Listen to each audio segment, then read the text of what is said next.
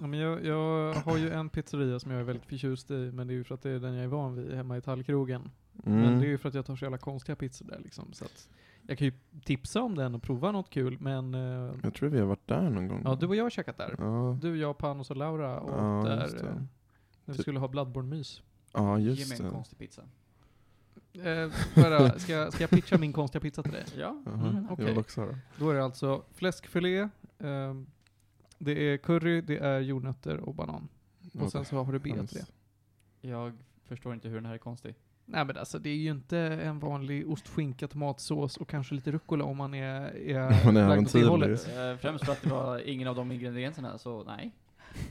Men jag, jag försöker säga att skinka, ost, tomatsås, det är ju det vanliga. Ja. Ja, att köra kombon curry, jordnötter, fläskfilé, är inte bea. så överdrivet ovanlig. Nej, alltså det är inte Kan, det. kan, kanske snarare kyckling än fläskfilé, men jag menar liksom protein. Ja, ja, absolut. Men, men jag säger fortfarande att det är inte det vanligaste. En italienare hade ju lavettat mig med knogen. Eh, Då har jag ätit en konstigare i Portugal. Med eh, mandelspån och eh, russin bland annat. Det låter asäckligt. Det låter jättespännande. Alltså det, det, var, det, det, var inte äckligt, alltså för jag menar russin smakar ju inte så mycket. Utan det var mest konsistens egentligen. Det var en, det var en väldigt god pizza faktiskt. Jag, ska, Mm. jag kan plocka fram en bild säkert på den sen. Men, Ja. eh, den var, alltså det var inte den godaste pizzan jag nå- någonsin ätit, men det var, det var en trevlig upplevelse.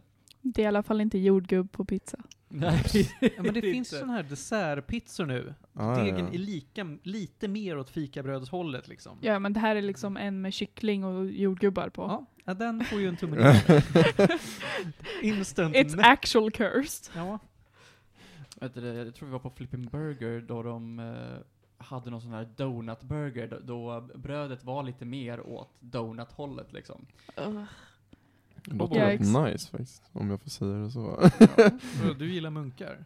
jag är en donut-grabb. En donut-boy. Ja, va, alltså som, det var burgare också? Ja, det var ja. liksom sallad, tomat. Mhm. Okej. Ja, men det är en sån här nice. typiskt amerikansk grej. Man har sett liksom så här Ja. deep fried donut burger med ost och allt på. Ja men typ. Ja, det är så heart attack grill nivå nästan på det där. Mm. Friter i grease, typ så här lard. Någonting. Så illa var det ju inte, det var ändå en svensk restaurang. Men, Ja. eh, Nej jag skojar. men konceptet var väldigt intressant. Jag smakade inte på den själv, men eh, den, ja, den var ju mer söt än annars liksom. Mm. Alltså när jag, jag kommer att tänka på när jag jobbade på Max och någon av våra chefer en gång bara Har ni testat det här? Så typ tog han ett halvt friskobröd, friterade det någon minut, sen hade på grädde och typ eh, sylt så här. Och så blev det liksom en legit dessert för de här bröden är så jävla feta. Det är ju som typ donut-deg nästan by default typ. Så det var skitgott. Det var liksom en legit dessert som var väldigt o, vad säger man, undiscovered liksom. Jag hade aldrig hört talas om det där innan. Alltså. Ja, men de är, så här, de är ju typ gjorda av majs eller någonting så de har ju lite, är rätt moist, rätt plump om man vill lägga det så. Använd aldrig ordet moist för att beskriva bröd. Då låter det sögligt liksom. Ja men de, ja okej. Jag, vet- jag vet inte om jag ska ersätta moist med plump kanske var bättre uttryck. Att det sägs som ett ord på svenska. Fick, det är ju bas, basically svenskt nu. Då har vi Saul har det nya uttrycket thick. Thick och juicy och jag vet inte. Det Ja, finns, nej, det då finns så. inga bra svenska uttryck Ja, för det. Juicigt är på samma klang, Ja, liksom. jag vet inte Det riktigt. heter ju ändå saftigt. Nej, men nej, nej, det är är inte mycket samma roligare. sak. Halp. Vad är det? Det? Det finns ju någon sån här eh, sockerkaksvariant som faktiskt är vätskig. Alltså den är ju blöt. Den här kakan. Inte det såhär sponge cake? Jo, någonting? någon sån här sponge cake De är som såhär, det är så blöt. brittiskt, de är såhär olja typ. när man tar dem. Man blir såhär greasy. Usch. Fast om man gillar brittiska bakningar, de har ju typ bara socker och bara massa jävla smör och så liksom, det är ju så onyttigt man kan få det typ. Men om man tycker det är nice så är det nog, är det nog jävligt nice. Svensk sockerkaka är för att mesig jämförelse liksom. Så det beror ju på, Alltså är, är det mesigt smakmässigt eller ohälsomässigt? ja häl- ohälsomässigt om man vill lägga det så kanske. Det är väl inte smakmässigt det, det kraftfullaste heller. Mm, ja, jag vet inte. Och ändå, Ja. trots detta onytt, dessa onyttigheter så gick jag ner 8 kilo när jag senast var i England. Halp. Det är imponerande faktiskt. Jag bodde hos en familj som inte gav mig mat. Jag tänkte skämta om att du svalt det men sen så var det inte lika kul när det var på riktigt faktiskt. Jag, överlevde på så här Lace chips och Mountain Dew. Så Alltså, kackerlackor i Eller förlåt, duschvrå. förlåt. Ja, jag glömde säga. I eh, Storbritannien heter det ju Walkers. Ja men de är ju fantastiska. Shortbread. Shortbread fick jag inte äta på hela tiden där. Men Walkers är väl, det är typ 90% smör. I såna chips. Ja nej nej nej, vad fan tänker jag på? Det finns ju något märke som heter... Wafers. Nej, nej, nej, nej. Det finns ju så här short, ett shortbread-märke som även finns här i Sverige där de Ja, har... jag vet vilket du menar med Göteborgskex. No. Almost. McVitie's Digestive. Digestive, full grain. Nej, jag, jag, då vet jag faktiskt inte vad det är. Julia, sitter du och panikrattar vidare just nu? jag märker han når Aha, extrema... Ja, men det blir bara värre just nu. hörs jag för mycket eller för lite? Man, han ska vara runt sex. Runt en sex. Ja, men runt en sexa. Gärna inte för mycket. Men titta på hur alla andra är. Jag vet inte vart den av är där. Den är där uppe. Ja, Okej. precis. Okej, Vidar. Hur låter du nu då? Ja, hur låter jag egentligen? Ja, Mycket låter bättre. bra. Okej. Okej, Var det- men det är Stronk Boy Vidar. Alltså, det, var, det var alltså för mycket innan. Ja. Jag har ju fått höra att jag har en väldigt lågmäld, knarrig, tyst ASMR-röst. Ja, men så är det. Det har du haft alla andra gånger. Så, så när du har varit med förut så har jag crankat upp dig som fan i Ja, efterhand. men jag har ju bara varit med en gång. Och då var jag väldigt Du tyst. har varit med i tre avsnitt. Du har ju varit med i Nej. DDT också. Ja, det är det jag tänker på. Ja, du har varit med och pratat Dark Souls med Dan. Du har varit med och pratat något skit med Ja, Simoido. just det. Med i Midsommarkransen en Ja, gång, just Nej, jag var inte i Alltså, Kransen. Aldrig det? Jag Okej. skulle nog ha kommit någon gång, men ni hittade en ersättare eller någonting. Jag vet inte vad det var. Ja, nej, Eller så var det jag som skulle. Ja, ja, jag minns inte. Du är fortfarande ganska hög, men jag tror att Panos löser det i efterhand. Är Panos Panos, fixar, han är inte här. Panos master, master mixer. Ja men typ, Mm. Okej. Swiggity Swooty. Så, så pass. Hörrni ni, jag tänker att här, här kommer introt.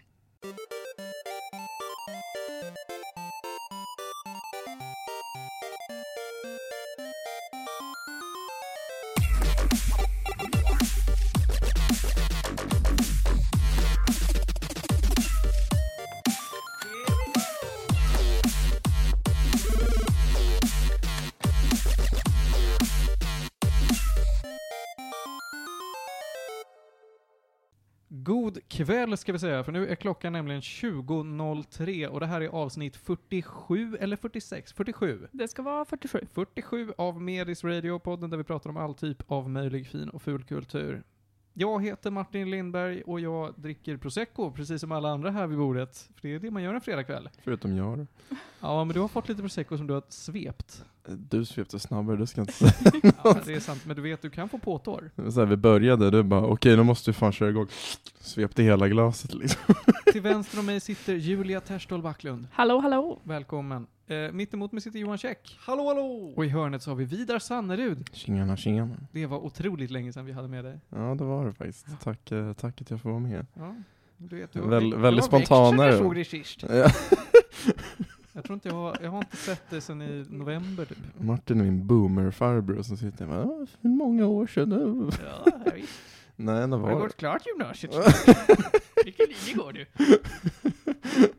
Ja, men jag minns faktiskt inte när det var senast. Nej, jag minns inte heller. Men det Ett, ett tag sedan. det är så roligt så att kan vi är här. konstatera. Ja, men jag, tack, tack för inbjudan. Ja, men inga problem. Det Eh, roligt vi ho- du hoppar ju in egentligen för Panos som har fått eh, covid. Ja, just det.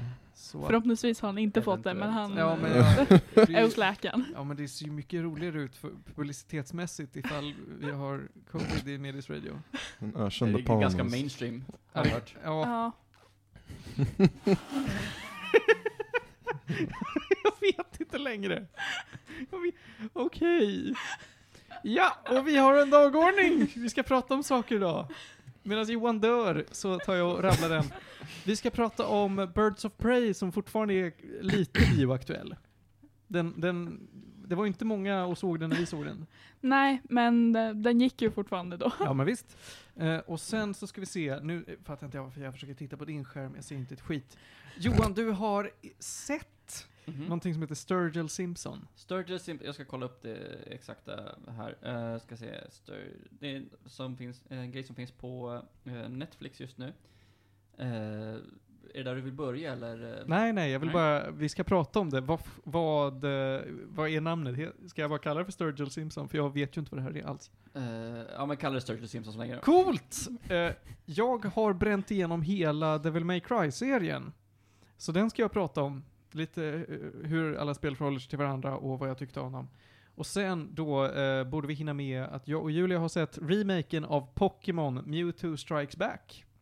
Som då heter Mewtwo Strikes Back Evolution. Evolution. Bara för att det är 3D. Ja, Ja. ja Det var det, det, det är en evolution, det kan jag ju säga. Aha, Fan okej. vad de har hottat upp den rullen. Ja, ja. Men det är väl samma story, så samma Ja, plot men det är det. liksom. det är, Är den tvådelad som originalet också? Nej. Okej. Den Du är skippar hela Pikachus eh, Vacation? Ja, Mm. Det. eh, men Pikachu's Vacation är väl väldigt tidigt? Är inte det? Ja, det är ju det första som händer i filmen. Ja, precis. Mm. Den har de skippat. Ja. Jag som inte har sett original bara what is this? Det är en jättemysig film. Alltså den, den Alltså, det, det, det, alltså typ, ett, kort- vad ska man säga, det är typ som ett, en, en kortfilm som de har som typ intro innan själva Mewtwo Strikes Back, liksom, eller po Pokémon the Movie som den ju hette, Ah. eh, back in the day bara. Eh, så att, ja, det var som typ två filmer i en. Jag vet inte varför de gjorde så, men det var nice. Ja. Men den finns inte med, utan nu är det bara Mewtwo. Den börjar med det också, att Mewtwo har sin egen lilla, sitt eget lilla äventyr i några minuter. Tänk på att du, Johan, jag har inte sett den här filmen på nästan 20 år. Ja, nej men alltså jag, jag, jag bara förväntar mig att du, ja, ja, ja. Men whatever, vi ska prata om den sist, så att det gör vi inte nu. Okej. Först så ska vi prata om Birds of Prey med DCs nya superhjältegängsrulle. Eller, Ja, sup- ja, ja, det får man nästan kalla Ja, men det, det är Ja. ju gjort för det i alla fall. Eh, Birds of Prey är ju ett superhjältegäng. Eh, som består av bara kvinnliga karaktärer. Och sen så kommer några manliga och hjälper till lite när det passar. Mm. Men eh, ja. Är det någon eh, sorts motsvarighet till Avengers, eller vad, vad är Det, det? är- nej, det skulle jag Det är inte ju säga. Justice League som är motsvarigheten. Ja, just det. Precis. Men det är Right. lite, alltså många som är med i Birds of Prey är också med i Justice League. Till och mhm. Det finns ju massvis med så här superhjältegäng. helt Ja, enkelt. precis. Jag har aldrig själv läst Birds of Prey. Det närmaste jag kommit är att jag läst Zero Year som touchar lite på, på Black Canary. Men, och Julia, jag antar att du inte heller har läst Birds of Prey? Eh, nej, inte specifikt. Utan man har stött på det via typ Arrow eller ehm, via um, Detective Comics och sånt har de varit med av någon anledning. Och Johan, jag antar att du inte har läst. Nej. Så då går vi alla in här med Mm. bara kunskapen om, ja, men vi kan lite om DC och sen så är det här en rulle som får tala för sig själv. Eh, den heter ju inte bara Birds of Prey, utan den, heter, den har ju en längre titel. Ja. Är det typ The Eh. Fantabulous Emancipation of Harley Quinn? Of one. One Harley Quinn. Mm. Vi säger att den heter så, för den titeln är jävligt lång och jobbig. Och jag förväntade, när jag gick in i biosalongen så förväntade jag mig att, ja men vad härligt, det blir en Birds of Prey-film där de har sprängt in Harley Quinn. Var det inte. En Harley Quinn-film där de har sprängt in Birds of Prey. Ja. Och de har tryckt in det här så hårt de kan för att försöka få plats eh, med det här eh, i, i en film som, som är, den är inte så lång heller. Eh, en timme 48 minuter tror jag var. Ja. Eh, och det känns jävligt synd. Att hon tar hela rampljuset. Och då som har forcat in Ja. hennes Ja, hon är roll. inte alls med i Birds of Prey-gänget. Nej, Aldrig. Så, så de bara eh, har hakar på liksom. Så vitt jag vet. De här, vad är det, 30 åren som Harley Quinn har funnits. Mm. Ehm, Så de bara slängde in henne för att haka på hypen över henne. exakt. Ja, just det. Det blir ju någon typ av semi-uppföljare till, eh, till den här eh, eh, Suicide Squad-filmen Ja, som kom för det. ett år sedan. Men den var väl största falören typ. De kände att de ville redeema den, eller hur? Jag vet inte, jag tyckte att det Jag har var inte sett den, så jag, vet, jag bara Eh, går på det jag har hört. Nödvändigtvis, tycker jag. Utan, eh, Det var ju Alltså- lite svar på all backlash om just Joker och Harley Quinn, för det var väldigt många som Mm. klagade på att ja men i serietidningarna så har de varit liksom broken up väldigt länge och det har varit liksom en stor grej, så jag vet inte varför ni fortfarande harpar på att ja men de är the one true couple när de inte är det liksom. mm. Så jag tror att det Mm. var lite svar på det, men Mm. mycket för att Margot Robbie är cool. Ja, hon, hon gör ett klart. väldigt bra jobb som Harley Quinn, ska jag säga. Mm. Eh, premissen till den här filmen är då, precis som Julia säger, att eh, Harley Quinn har gjort slut med Joker, eller tvärtom egentligen. Mm. Han totaldumpar henne och hon har svårt att hantera det här. Så att hon gör det som eh, man gör mest när man är, är ny dumpad. Jag ber om ursäkt, proseccon eh, skapar luftbubblor. eh, hon super och hånglar och slåss och har sig. Och smäller upp eh, olika Ace Chemicals Ja, precis. plantage. Hon, hon eh, går ju lite bananas när det gäller att liksom inte följa lagen. Eh, bland annat så hänger hon på en klubb som ägs av Roman Sionis, som är den här filmens eh, antagonist. Även känd som Black Mask. Och i rollen där ser vi Ewan McGregor. Ja. Där har vi ju en person som är väldigt konstigt castad. Och som har världens konstigaste karaktärstolkning. Men det kanske vi kommer till sen. Eh, sakta men säkert så får vi följa fler karaktärer så här. Vi får följa eh, Black Canary som då... Eh, jag kommer inte ihåg vad hennes riktiga namn är. Men skitsamma. Eh, hon jobbar för, för Sionis då som sångerska på hans klubb. Och sen blir hon också även chaufför. Vi får följa poliskommissarie Renee Montoya. Mm. Som är en sån här, precis som Harley Quinn så är hon en, vad kallas det för, migrated character? Ehm, canon Immigrant. Canon immigrant, precis. Fancy uttryck. Eh, En sån ja. som kommer från ett annat medium än serietidningarna, men som sen har etablerats i serietidningarna. Ah. Just det. Som jag minns det, så är båda Renee Montoya och Harley Quinn från Batman The Animated Series från början. Precis. Jajamän. Ehm, men hon är ju bara en hårdnackad snut. Mm. Och sådär. Och så får vi även följa, vad hette hon nu då? Ca- Cassidy, vad hette hon?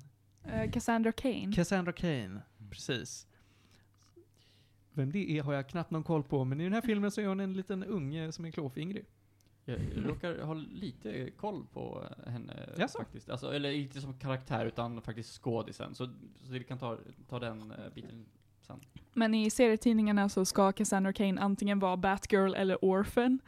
Uh, vilket båda är så här inte en klåfingrig unge bara. Nej, precis. Nej, men jag minns att det är, det är en av alla Batwomen. Och det här är en konstig, eh, en konstig koppling helt enkelt. Ehm, vi får även toucha karaktären Huntress, som också har varit med i Arrow, eller hur? Ja, Precis. för det har ju Black Canary också. Ja, precis. Eh, Huntress kan jag ju säga direkt, jävligt, jävligt tjohornad in i den här rullen. Oj, oj, oj. Vad intryck den känns. Hon, eh, hon kommer och går lite grann. Är inte ett dugg viktig förrän i de sista 20 minuterna. Mm. Eh, alla de här karaktärerna då eh, får man följa lite pö om pö. Och på deras respektive äventyr som vävs ihop sakta men säkert. Harley Quinn har ju, det är ju Harley Quinn som då berättar eh, liksom hela storyn Mm. och hon har, ska- man, man skulle nästan kunna kalla det a pulp fiction way of telling, bara det att hon glömmer bort saker, så det hoppar lite fram och tillbaka, men det görs väldigt snyggt. Ja, det görs ganska snyggt. Ibland så, mitt i manus så känner man att oj, vad fan är det som händer nu? Freeze frame. Ja visst fan, det här glömde jag nämna. Och så backar man till någon annan karaktär och någonting som har påverkat den. Mm. Tills man är vid samma punkt igen då. Och säger, Mm. ja men nu har ni koll på varför jag sparkar upp dörren och börjar skjuta potatisgevär på folk. Yeah. Eh, jag tyckte inte om den här filmen. Och det tycker jag är synd. För jag, tyck, alltså jag, jag tycker ju om DC, alltså, alltså deras karaktärer tycker jag är nice, många av deras rullar har varit nice. Ehm, men jag, jag gillade verkligen inte den här. Det kändes som att den inte visste vad den skulle vara. Ibland ville den vara lite cartoonig, ibland ville den vara lite seriös. Karaktärerna tyckte jag sög. Manuset i många, många fall sög. Det som jag tyckte om var eh, koreografin. Fan vad snygg den var på sina ställen. Mm. Särskilt i fighting-scener. Mm. Eh, Johan, Mm. du, du tittar på mig med ett sånt här eh, ansiktsuttryck som får mig att känna att så här, du dömer mig inte. Mhm. Utan du har full respekt för mig. Ja. alltså... Sure. Alltså jag menar, jag tyckte ju om filmen, Ja. men eh, jag förstår ju att du kanske inte tycker om eh, den. Jag menar, det är ju inte, det är ju inte en av de här eh, plattfallen som många av DCs senaste liksom, filmer har varit. Man of Steel. Till exempel, som jag i och för sig inte sett. Utan jag, den här filmen... Men den här filmen underhåller mig, jag kände mig ja, men egentligen engagerad genom eh, hela filmen. Kanske inte alla karaktärer som var hundraprocentiga. Synd med Huntress, jag håller med där. Eh, verkligen. Däremot, för comedic effect, nice. Eh, men jag, jag tyckte om den. Mm. Julia, back me up. Ja, nej, jag hade också rätt många problem med filmen. Det var så många gånger när jag var såhär, det här behövde inte vara med. Ehm, Har du något exempel utan att spoila? alltså, de använder ju väldigt mycket det här att, ja men åh, det är bara kvinnor och det är kvinnor som blir liksom så här beat down by the patriarchy. Eh, så de har väldigt många, eh, alltså de, det är två specifika scener jag tänker på som är lite såhär bara, okej, det här är lite för mörkt för att vara en liksom random DC-film, ni behöver inte eh, så här, tynga på, så liksom tungt på våldtäkt. Vet jag henne vid två olika tillfällen såhär, ah, det här kunde ni ha undvikit. Det är också väldigt, väldigt konstig, eh, vad ska man säga, kontrast i ton. För Mm. ofta så är den ganska lättsam och upbeat.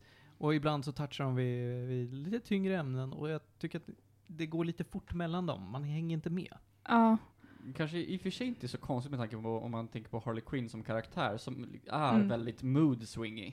Och om Mm. man Ja. då tänker det som ja, men genomgående i filmen, så är det ju det är inte så konstigt heller egentligen. Nej, Men, men, då eh, kanske man ska försöka sympatisera lite med hennes känslor mer. Mm. Att det känns som att man berättar allting genom hennes ögon. Jag tycker inte det görs riktigt. Alltså när, när, de, Nej. när de här kontrasterna görs. Men, men det är ju också Harley Quinn som berättar. Mm. Jo, absolut. Men jag tycker inte att det framgår tillräckligt tydligt. Alltså, eh, bildspråket ehm, och, och manuset representerar inte att det är Harley Quinn som berättar alla gånger. Okej. jag vet ju vissa tillfällen när man följer ehm, Black Canary eller Dinah Lance, mm, som, jag, Lance. som jag kollar på vad den det. heter. Ehm, där det är liksom från hennes synvinkel för att Harley Quinn inte är där. Mm. Så hon har ingen aning om vad det egentligen är som händer. Och de visar grejer och så är det jättetungt och så återgår det och så kastar folk glitter på varandra typ. Mm. Så fem sekunder senare. Mm. Så just den kontrasten är lite skum vid vissa tillfällen. Mm. Ehm, I början så var de väldigt duktig på att liksom hålla sig vid att ah, men det är Harley Quinn som är berättare och det här är stilen men det tappas lite mot slutet tyckte jag själv. Musiken är jävligt bra. På ett helt annat tema. Ja, det, det ska de fan ha cred för. Alltså så Mm. dåliga som DC har varit på, på musik, ja men helt ärligt, alltså det har varit Ja. katastrof. Det är någonting som jag verkligen har tänkt på, särskilt i Suicide Squad. eh, där de verkligen Mm. försökte göra Marvel, där egentligen alla Marvel-filmer verkligen är on, så on point med musikval. Och hur katastrofalt det var i Suicide Squad. Men i den här filmen var de också freaking on point. Det ska de ha. Tycker Mm. att Justice League var fan också on point med sin musik till DCs försvar. Men jag håller med om att Suicide Squad, nej den var inte så, så Mm. bra på den fronten. Jag tycker dock om Suicide Squad mer som film än den här. Okej. Men jag tyckte att det var en bra film från början. Jag hade inte så mycket problem med den som många andra hade. Alltså det, Mm. det, det var aldrig en film som kändes engagerande. Det var liksom så här. Åh shit, nej, åh, vi, vi måste framåt. Hurbidubidu, nu ska vi stå Mm. här och typ lalla lite grann för vi är lallarkaraktärer. Ja men vi måste fram, ja shit vi går väl fram, lalalala. Och så det, det är så här, det, är- det är lall, ja men det är liksom det, den är inte, det känns inte engagerande utan den gör saker för att saker ska göras men det känns inte Det, känns, inte naturligt på intressant. något sätt. Nej. Nej okej. Mm. Jag tycker det är Sen samma att just med Suicide Squad. Så många gånger när man bara det här har ingen anledning att hända förutom att det måste för att annars så funkar inte filmen. Mm. Du har inte sett Assault on Arkham va Julia? Nej. Nej det borde du göra. Den tecknade versionen av Suicide Squad-filmen är så Mm. mycket bättre. Okej. För alla som är besvikna på den så är den, eh, ja den fanns på Netflix, jag tror inte den finns längre. Försök att få tag i den, fy fan vad bra den var. Det är den bästa tecknade filmen jag någonsin sett. Oh. Hot. Innan vi lämnar Suicide Squad så måste jag nästan eh, slå ett litet slag för, eh, vad heter han, var, var det Joel Kinnaman som var med i Suicide Mm. Squad? Ja. Precis. Han eh, försökte ju verkligen skådespela skiten. Verkligen. Eh, och eh, ja, det ska han ha cred för. Verkligen. Men tillbaks till Birds of Prey då. Så jag, jag tycker att den är för spretig och den faller på många punkter. Men eh, vi, jag och Julia såg den gratis, så det var ju nice. Ja, trevligt. Ja. Jag tyckte att den, jag, jag kände mig underhållen så jag är, jag är nöjd. Den har ju Mm. inte fått så överdrivet bra betyg. Just nu ligger inte. den på 6,5 på IMDB. Mm. Och Mm. det är ju inte särskilt högt för att inte ha varit ute så länge. Mm. Och jag tror också att den har fått en eh, hel del skit för att inte vara eh, den här starka Female Protagonist-filmen som eh, den behöver vara eller försöker vara. Vilket jag, när jag tittar på filmen, så kände jag att nej men nej, det är inte det den försöker vara heller. Men ibland försöker den verkligen Nej, vara jag, det. jag, ty, jag tycker inte det. Jag håller inte Okej. med om det. Ja, okej. Ja, nej men Nej. eh, då så. Vi- Vidar, du som inte Mm. alls har sett den här, eller du har inte sett Suicide Squad heller. Nej, jag är ingen superhjältefan by default liksom, så det är ju det är svårt att pitcha in på det, va? Man Känner du, ja, men känner du dig sugen på att se den här? Nej, lika mycket som jag är sugen på att se typ senaste Avengers-filmen som jag ändå har hört så mycket bra om. Liksom. Det väldigt otilltalande till Mm. mig personligen, så jag, jag har liksom inte så mycket att pitcha in mig på den här fronten känner jag. Ja, men det är du, okej. eh, Panos motsvarighet, motsvarighet som han är för anime, är du för superhjältefilmer? Han hatar anime eller? Japp, med passion. Mm. Ja, med passion till och med. Alltså, ja, jag menar det finns ju några som jag tycker är bra. Alltså, jag gillar ju den här, den, eh, vad heter det, Batman-trilogin som kom ut för några år sedan. Mm. Med tycker- Christian Bale-trilogin. Ja, så typ Dark Knight är ju fett bra. Ehm, tycker jag ändå. Det är ju Och en den, jävligt bra trilogi. ja, och den efter med Bane, jag glömt vad den heter, Dark Knight Dark Knight Rises, Rises. kanske. Ja, Mm. Den var också bra tycker jag. Och sen gillar jag Watchmen också. Ja, Um, den är en kanonrulle. Ja, men det är ju liksom inte så här, de är inte, eller i alla fall inte Watchmen är inte så här en conventional superhjältefilm liksom som, Mm. som jag har förstått att de här lite senare superhjältefilmerna som har kommit ut är liksom. Och sen så, um, det kanske är därför jag föll lite för den, för att den har en annorlunda nisch typ. Samma sak med Kick-Ass, den är också en superhjältefilm, Åh, den, är helt, bra. den är helt annorlunda, men den är skitbra tycker jag. Ehm, så jag vet inte, jag tror mitt problem ligger att många av de här blir generellt lite för standard liksom, så jag har liksom tappat, det har tappat gnistan för mig för ganska länge sedan. Men liksom Kick-Ass, Watchmen, typ Chronicle är också en superhjältefilm typ om ni har sett den. Jag har inte sett den faktiskt. Den är svin, svinbra, verkligen fantastisk tycker jag. När, när kom den här filmen ut? Chronicle? Chronicle, ja det var väl kanske, inte tio år sedan men eh, någonstans under tidigt För- för- 2010-tal tror jag. För, för den här filmen jag kommer ihåg som har kommit ut som har Chronicle i sig är Chronicles of Riddick. Och det är Ja, inte det jag tror att du nej. menar. Nej nej Nej, nej, den här är heter bara Chronicle. Mm. Det är en väldigt vardaglig film om tre high school-grabbar som bara får superkrafter typ av en Är det slump. där en, ki- en kille spårar? Ja, Ja, utan att spoila precis. för mycket, men ja precis. Ja men det framgick av trailern. ja, okej. Men jag, jag, jag var taggad på den när den kom, men det hände aldrig att jag såg den. Ja, den kan jag verkligen rekommendera, den är skitbra faktiskt. För Mm. den, eh, den är mycket mörkare och den är så här, ni vet när det var lite mer modstandard att köra, ni vet så här hand camera, Mm. egenfilmad liksom. Det var, Cloverfield. ja men precis. Det var liksom under den eran som den kom, men jag tycker den nailade det väldigt bra liksom. Och den tar upp saker på ett mer naturligt sätt. Det är inte så himla flashigt och massa skitcoola fighter hit och dit, utan det är mer så här persondramat och sånt där som liksom spelar in och att det känns så vardagligt och relaterbart på något sätt. Samtidigt som det är så långt Mm. bort. Och det tycker jag liksom inte att typ Avengers gör. Då är det så okej det är Iron Man som liksom är multimiljardär och han, kan, han är skitsmart och kan bygga vad fan han vill liksom. Det är, det är intressant och det är underhållande men det är inte så man kan, det är inte så relaterbart liksom. Det är väl typ Mm. det. Jag tror det är där det brister för mig personligen då. Du menar en Ja. Juno-person, där kan du relatera. Ja, alltså jag, det var ju jättelänge sedan jag såg Juno och då kollade jag på den lite halvt. Så jag, jag Var du tvungen att se den i skolan också? Nej, jag kollade på den med, med min tjej för många, många år sedan. Okej. Jag var tvungen att se den med, eh, med eh, Kerstin Bol på engelskan i åttan. Mm. På, en bra engelska lektion, det är så. Ja, ja, visst. Det är trevligt. Bool är ett mysigt efternamn att ha. Ja, det, det är ganska trevligt. Bol. Ja. Jag saknar Kerstin. Shoutout till Kerstin Bol. Alla gånger det var felparkerat din bil utanför Adolf Fredrik. Oh, shit. Bra shoutout. Ehm, ja, nej men eh, för att återkoppla till någonting du nämnde. Mm. Kickass, det är en Mm. jävla schysst rulle. Mm. Minns ni Kickass 2? Jag har inte sett den. Jag har sett den en gång. Ja. Eh, Jag minns inte vad som händer i den filmen. Åh fan, det är Jim Carrey som är med. Eh, men vem är Då? Ja, Jim Carrey är med. Vad fan är han där? Ja, det är han som har hunden. Hunden? Ja. Vilken hund? I Kick-Ass 2. Jag har inte sett det, jag vet, jag vet Ja, men inte. vad fan! Jag har bara sett ettan alltså, jag liksom Här sitter jag och pratar om Kick-Ass 2. Brad Pitt Jim var producent Ja men jag för tyckte det den var här. så lustigt på tillval såhär, Jim Carrey out of nowhere, det är som att han skulle komma, det är som att han är med i Sonic-filmen typ såhär, ja, vad fan är Jim Carrey där liksom? Det är lite Ah. samma känsla jag fick typ. Mm. Ja. Eh, först och främst, Brad Pitt var med som producent på Kick-Ass 2. Mm. Ehm, så det är ju lite halvt intressant. Eh, Ja. Han har väl behövt göra lite grejer till och från. ja, jo. Men länge jag kommer inte ihåg den exakta eh, handlingen. Mer än att eh, det var massa, massa folk som var in, inspirerade av eh, Kick-Ass och liksom också ville vara eh, Mm. ja, men, Mm, vardagssuperhjältar liksom. det. Men Ja. jag kommer ihåg, alltså vi hade ju den här, det är ju McLovin som är skurken.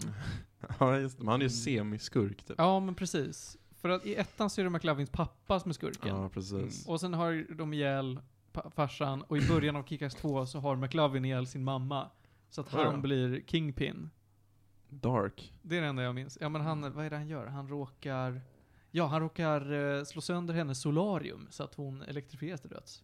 Så det var misstag som han mördade henne? Ja, precis. Jaha. Det är vad jag minns av Kick-Ass 2. Skumt. Det låter väldigt så, superhjälteaktigt dock. Liksom, så något som skulle bygga en, en villain på något sätt. Fast på ett lite mer unconventional sätt kanske. Precis som Mm. att Batmans föräldrar blev skjutna så dödar han sina föräldrar istället. I alla fall en av Han dem. slog sönder sin mammas solarium. Ja. Sånt, sånt som händer liksom. Ja. Mm. Relaterbart.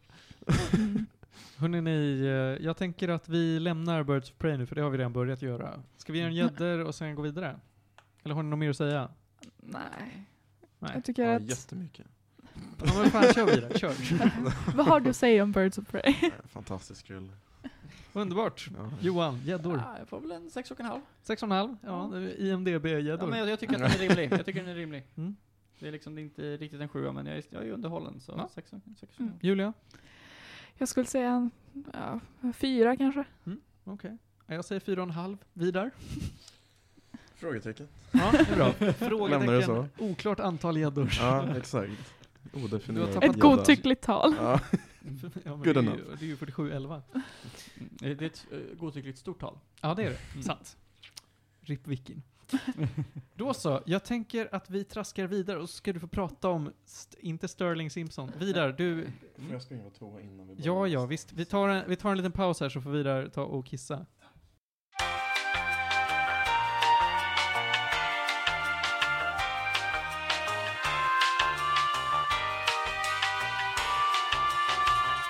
Sådär då, är Vidar kissad och klar och vi är tillbaka. Vi ska gå vidare och så ska Johan få prata om sin härliga... Sturgill Simpson presents... Uh, fasken sa jag nu då? Eh, Sound and Fury. Hmm.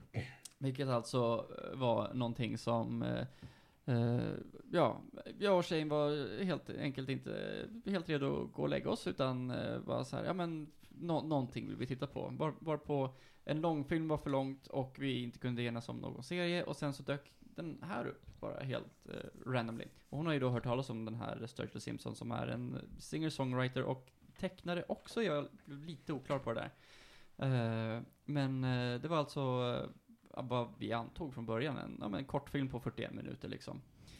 Eh, vad som, eh, efter att ha tittat på den här i en cirka 5-6 minuter, mer kändes som eh, om någon har, eh, förutom Martin känner till Interstellar 5555, Mhm. så var det mer i det stuket.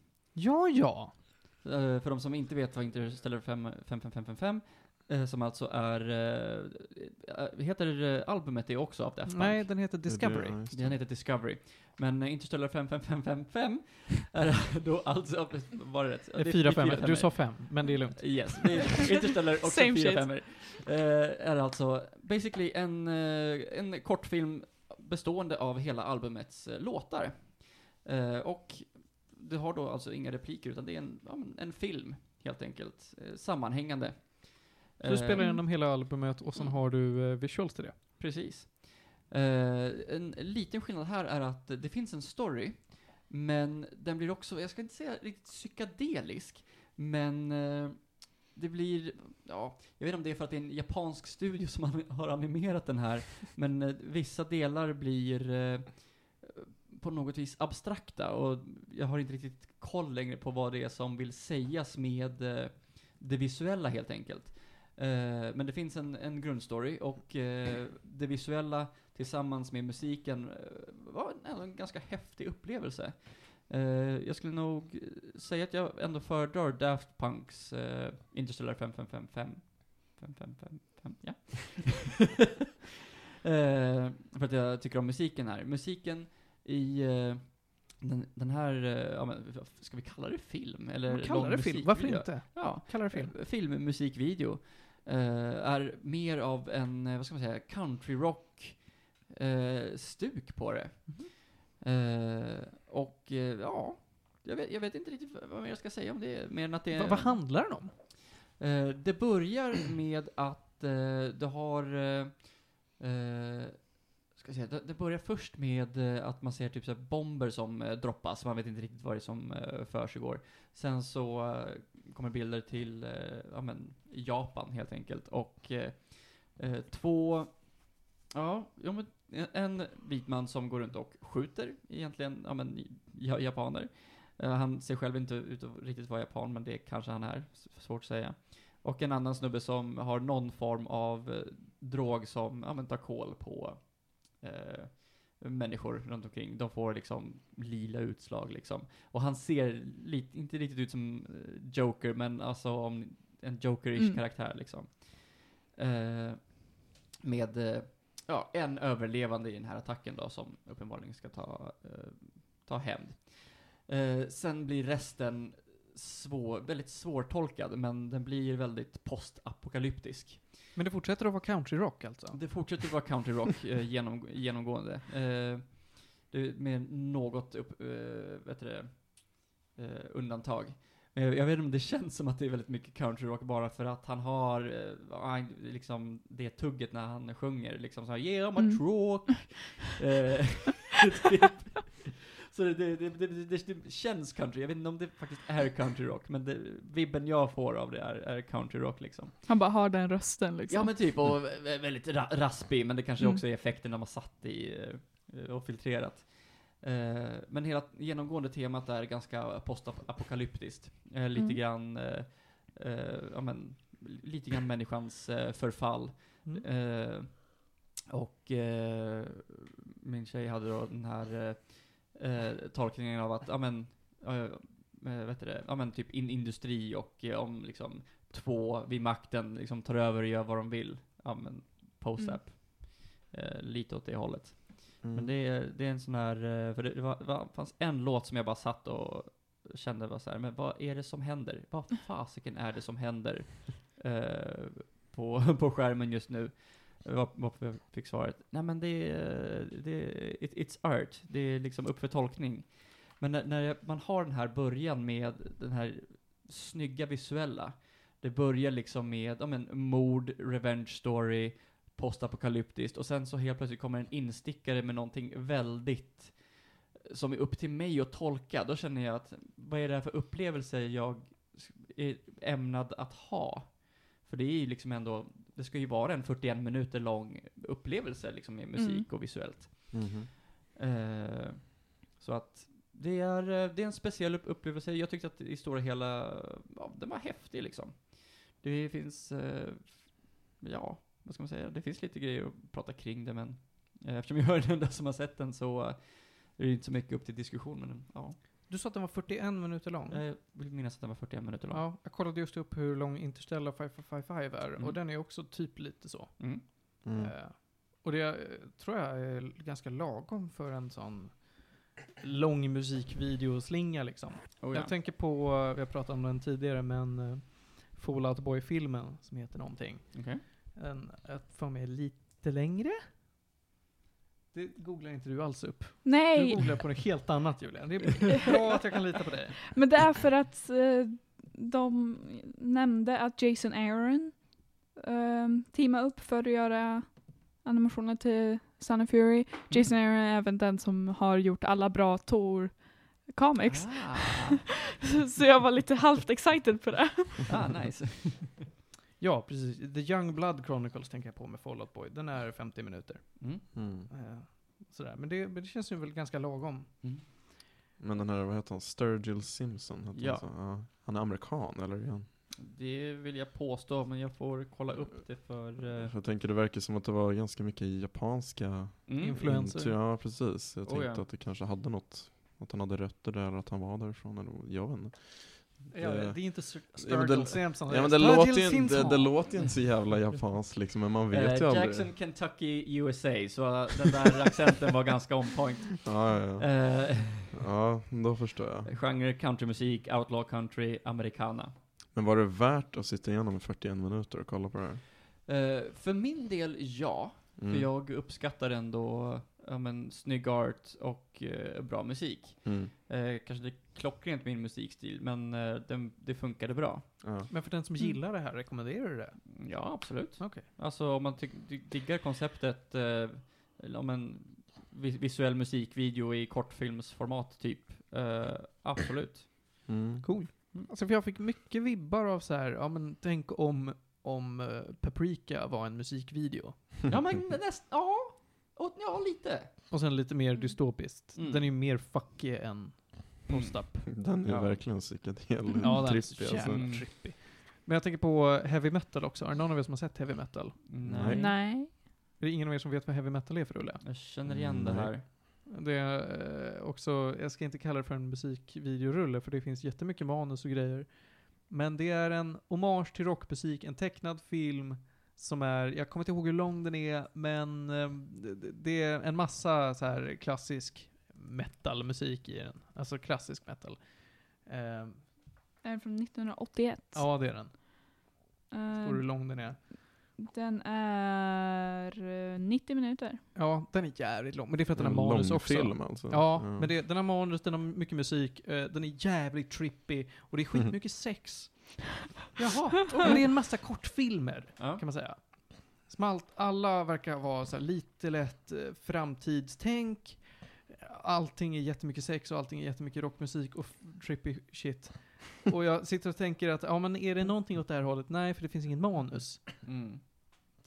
Det är en konstig genre det här med musik, alltså musik som blir en film Mm. och sen så finns det inget manus. Mm. Alltså jag tänker Mm. på, ni nämnde ju Interstellar 5, 5, Mm. 5, 5, 5. Nailade det nästan. Eh, nej men ni nämnde ju den flera gånger där, alltså den såg jag för jättelänge sedan, jag var typ 11 tror jag. Det är en ganska gammal film ändå. oh, ja. Och, eh, men den vill jag ändå minnas har en story. Ja, visst, den har en Och, eh, jättesammanhängande mm. story. Den Ja. är lätt att följa med i. Ja men Ja. precis, liksom. det är så här, det är som ni sa, ingen, ingen snack liksom. Det är bara en lång musikvideo i princip, men den har ju fortfarande en story. Och då tänker jag liksom, den här verkar ju lite mer artsy liksom, Mm. mm. Sturgill Simpson liksom. Och den där heavy metal verkar också mer... Den är mer artsy skulle ja, man säga. På sitt eget sätt. Jag, jag vet inte om jag tycker den är så artsy, men det är för att jag inte förstår konsten. Den kanske har en story, bara att det inte... Youngblood. Chronicles är också, har en väldigt, väldigt mycket story. Och eh, boom, helt plötsligt blir den trippy och Elton John kommer. Mm, Elton John, oh Ja. shit. Det business? Nej men, för jag tyckte ändå att det var lite charmigt, för det här var ju första gången, när jag såg den här Interstellar, så var ju det första gången som jag såg något liknande, och egentligen det enda jag sett som har varit det här konceptet, liksom den här nischen, ända sedan dess typ. Men det är ganska intressant sätt att föra ut liksom en, eh, en film på liksom, och en skiva, för jag gissar att skivan kom ju ändå först liksom. Det är ju ändå en video som de antingen haft i åtanke medan de skapade skivan eller så kom den efter, det vet jag inte men alltså När, när, kom, Det- eh, när kom den skivan Julia? Nej, det, Discovery. Vilken skiva? skivan Discovery i förhållande till filmen Interstellar 5555. Alltså, ja. Jag, jag kan inte svära på, på det, men jag menar de släppte ju, eh, jag menar singlarna, vad blir det, One More Time, Mm. uh, Harder, Better, Faster, Stronger, Digital Love och den som faktiskt kom efter One More Time som heter Aerodynamic. Tänker du inte på Around the World också? Nej, Ja. Nej, det är en annan platta. ja, fan, det är fan en annan platta, ja, Jajamän. du har rätt i. Mm. Eh, så de, de släpptes ju. Eh, och sen så, för eh, det var ju på tiden då MTV fortfarande fanns och spelade eh, musikvideos. Jag tror ZTV till och med fortfarande fanns då. VH1. Eh, kan inte svära på det. Du var född men inte jag. Eventuellt. Albumet släpptes eh, 2001. Mm. Och när kom rullen ut? Den måste väl också Eh. Den kom ut mm, 2003. Okej. Mm. Okej. Mm. Jävla bra film. Den är lite mysig Men, fast vad, men, lite det, men det är alltså filmen i liksom sin också. helhet? Mm. När det släpptes första singeln? För det känns också relevant där. Eh, One More Time då. One more time, singel i... Jag tror det var Musikvideon kan, kan vara, vad heter det? Ja, relevant där. ehm, albumet spelades in 99 till 2000. Mm. Mm. Eh, det där är en Youtube-video, det vill jag inte ha. Uh, Daft Punk Song.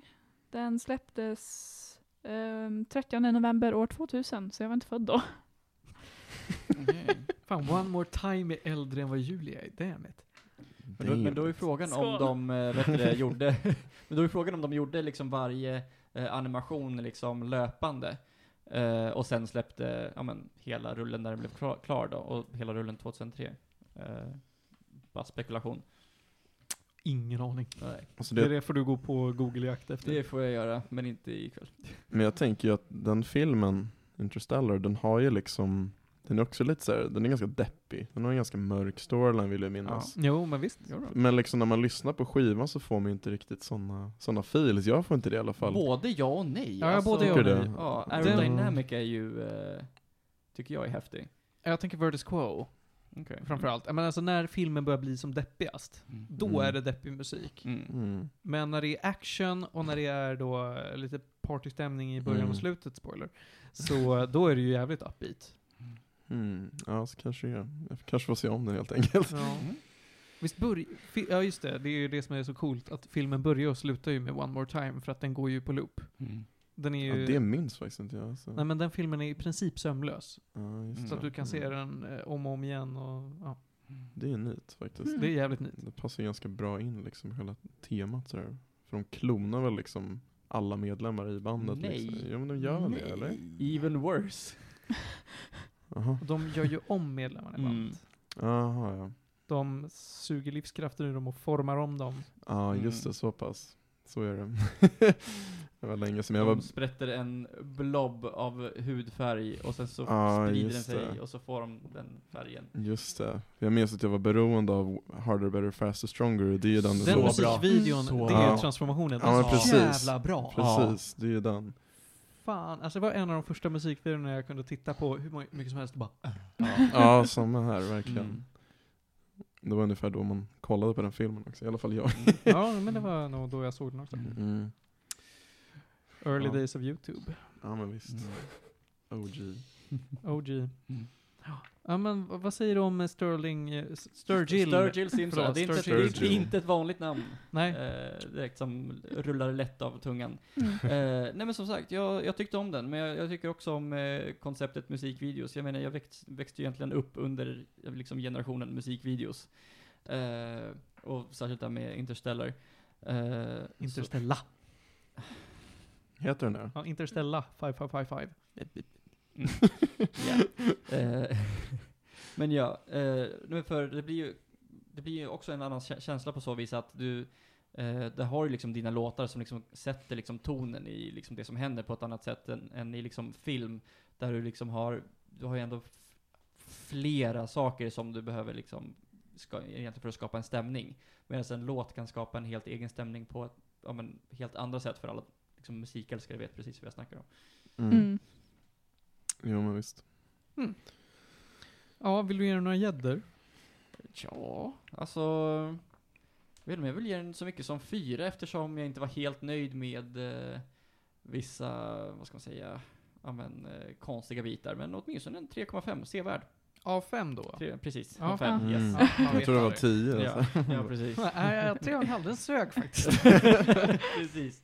Jag Jokes on kände att you. en av fem satt eh, Ja, bättre på ja den men absolut. Absolut. Ehm, ja men eh, tre och en halv psykedeliska gäddor då. Ja, typ så. Mm. Cool. Ska vi ta och vi- gå vidare till Devil May Cry kanske? Ooh. Absolut. Härligt, härligt. Johan, har du spelat Devil May Cry? Alltså det här är ju en, en av de här eh, av många speltitlar som jag har sagt att det här, det här ska jag spela varenda jävla spel av och jävlar vad jag ska spela det. Och inte spelat ett enda av dem. Har du spelat något Metal Gear Solid? Eh, ja, jag har Okej. spelat uh, ja, remaken av första, alltså Twin Snakes. Jag Ja. har spelat uh, tvåan, jag började spela trean. och jag också började spela fyran. Men jävlar fyran. Mm. Ugh, En långsam? cutscenes. Ja. Resident Evil? Uh, ska se, jag spelat, ska se, jag spelat fyran, zero, eh, femman, fuck femman. Eh, och sjuan. Okej. Ja men ändå. Då så. Eh, då, då vet jag. Mm, Jag kan ju säga att några av de här spelen är ju spelvärda. Mm. Bara några. Ja men några. Okej. Det finns ju sex Mm. stycken Devil May Cry-spel. Det finns ju 1 till 5 och sen finns det den här som kom mellan 4 och 5 som bara heter DMC Devil May Cry. Som, vilka var det som gjorde det? Var det Team Ninja? Nej, kanske Eh, inte Det var. är inte en aning. Jag visste knappt att det fanns. Om jag ska vara ärlig. Jag ska se här. För, Alltså samma som eh, också fick göra Metroid Other M. Ehm, Ninja Ja, och Theory. Ja. Ninja Theory, förlåt. Det är ju Mm. ett helt annat gäng. För Team Ninja är de som har gjort eh, nio år. Som höll på nu. Och eh, typ eh, Dead or Alive och... Eh, Dio är Extreme Volleyball. exakt. Men Har de gjort också- Ninja Gaiden? Precis, Gaiden? Ninja Gaiden med sina fruktansvärda kameravinklar. Är det det här eh, ny Ninja Gaiden i 3D som är jättesvårt? Jajamän. Precis som alla Ninja Gaiden. Mm. Okej. Då Fast jag vet inte hur kameravinklarna är i eh, volleybollspelen dock. Devil May Cry är ju ett spel utvecklat av Capcom. Det kom ut 2001. Det Mm. skulle varit ett Resident Evil-spel. Men de eh, spårade för mycket och sen så började de göra något annat och så blev det Devil May Cry. En Eh. eh, lyckad av... eh, säger man? Lyckad branch Lyckad där. bransch, verkligen. Lite som Mm. Conquer. Conquers? Du menar Conquers Bad Fur? Jajamän. Vad skulle det varit egentligen? Det skulle varit ett eh, glatt, litet familjevänligt barnspel typ. Oj nej. Det märks i början, men jag menar... Mm. Tills motorsågen åker fram. Ja, ja. Och då det börjar med, jag vet det, Clockwork Orange. Ja, ja precis. Ja, Det var länge sedan jag såg något om det, men ja. Oj, oj, oj. Ja, nej men det här är ju ett spel som, eh, det är ett hack and slash-spel, tredje person. Det är som Resident Evil har det ändå fasta kameravinklar. Mhm. Eh, och förutom det här som utvecklades av Ninja Theory så finns det fem spel. Eh, och det här hörni är ju, eh, ja men det, det är ändå ett, en väl, vad ska man säga, uppskattad serie. Den har många trogna fans. Den har ju ändå pågått rätt länge nu. Mm. Det senaste släpptes ju förra året. 2019 Just det. kom femman ut. Eh, men vi börjar från början då. Eh, 2001, då kan ni tänka er att det här är, det är lite väl åldrat kanske. Året då GameCube kom ut. Så är det. Mm. I Eh, Sverige i alla fall. Det är, tror jag, nu quotar mig, med- eller rätta mig om jag har fel, är samma år som Final Fantasy 10 kom ut. Inte omöjligt. Nej, väldigt tidigt PS2. Det här var en av, jag vill inte säga launchtitlarna, men den kom väldigt tidigt på PS2-tiden. Och det ser ju, ja, rätt snyggt ut om man jämför med ett PS1-spel liksom. Eh, vad säger du? När kom Eh. Final Fantasy 10 ut? Eh, 2002. Fan! 17 maj. I men Japan. Ehm, Ja, men det stod där nere. Australien. Släpptes första gången 19 juli 20, 2001. Säger du om, Devil, äh, om Final Fantasy? Final Fantasy 10. Yes! Ja, så det släpptes innan um, Devil May Cry. Okej. Så släpptes 23 augusti första gången. Jag skulle säga rent spontant att Final Fantasy 10 är Halv- mycket snyggare än Devil May Cry. Men det är för Final att det ser, Fantasy det 10 har ju ser alltid- sjukt snyggt ut för att vara PS2 och särskilt för att vara så tidigt på PS2. Final Fantasy, de nailade ju alltid grafiken alltså. Det Så gör de är ju det. fortfarande, Mm. tycker jag. Jo men verkligen. Det är- Alltså 15 ser ju dösnyggt ut. Ja, verkligen. Eh, I de här spelen så spelar du som halv, halvdemonen Dante. Det här är lite löst baserat på, på den gudomliga komedin. Eh, bara namn och typ lite tematiskt och lite sånt där skit. Men annars så har det ingenting med den gudomliga komedin att göra. Vi är i, i en, ja, jag ska inte säga vilken stad det är, men vi är i en jävla stad i modern tid och när Dante då driver en Demon Slaying Service. Han får ett uppdrag av någon att, ja men åk till det här, vad är det, en ö och slakta den här demonen, för det är knas. Och han bara, ja lätt. eh, coola eh, backflips och coola trick med sina respektive svärd och pistoler ensues. Och man sitter och bara, åh, coola visuals. Det är ett hack and slash-spel. Du, eh, förutom att du då har ett stort svärd, ett tvåhandat svärd som du håller på att slåss med och gör coola kombos, så har du också lite skjutvapen. Det är rätt fett. Du kan också gå in i en super enhanced form, din devil trigger. Mhm. Som gör att du blir odödlig, du hela, eller jag tror inte du blir odödlig, men du helas Man och du skadar mycket så, mer. Ja. Ehm, det är inte överdrivet långt. Det här spelet, jag tror jag klarade det på fyra timmar eller någonting. Ehm, du spelar i små ska man kalla det för kapitel? Jag mig att de kallar det för missions. va? Ja, missions är det. Men Mm. det är ju typ kapitel. Ja, Alltså det är ju, man har ju ganska limited zone som man går runt på liksom. Det är inte så här open world direkt. nej precis. Och Det är de ju- ganska linjärt. Ja. Men inom, alltså när, efter ett tag, du går igenom först en liten bit eh, som låses upp i taget, men det är ju Ja. ändå ganska linjärt. Och sen i slutet då får du backtracka, och då är väldigt många zoner upplåsta. Mm, just det. Det finns ett mission som är helt fantastiskt roligt och det är så här, ja men hitta det här gamla stället du inte har varit på. Och vet man inte vart det är någonstans, då blir det dålig stämning. Men om man vet vad det är så är missionet klart på ungefär en minut. Mm. Tyckte jag var jävligt kul.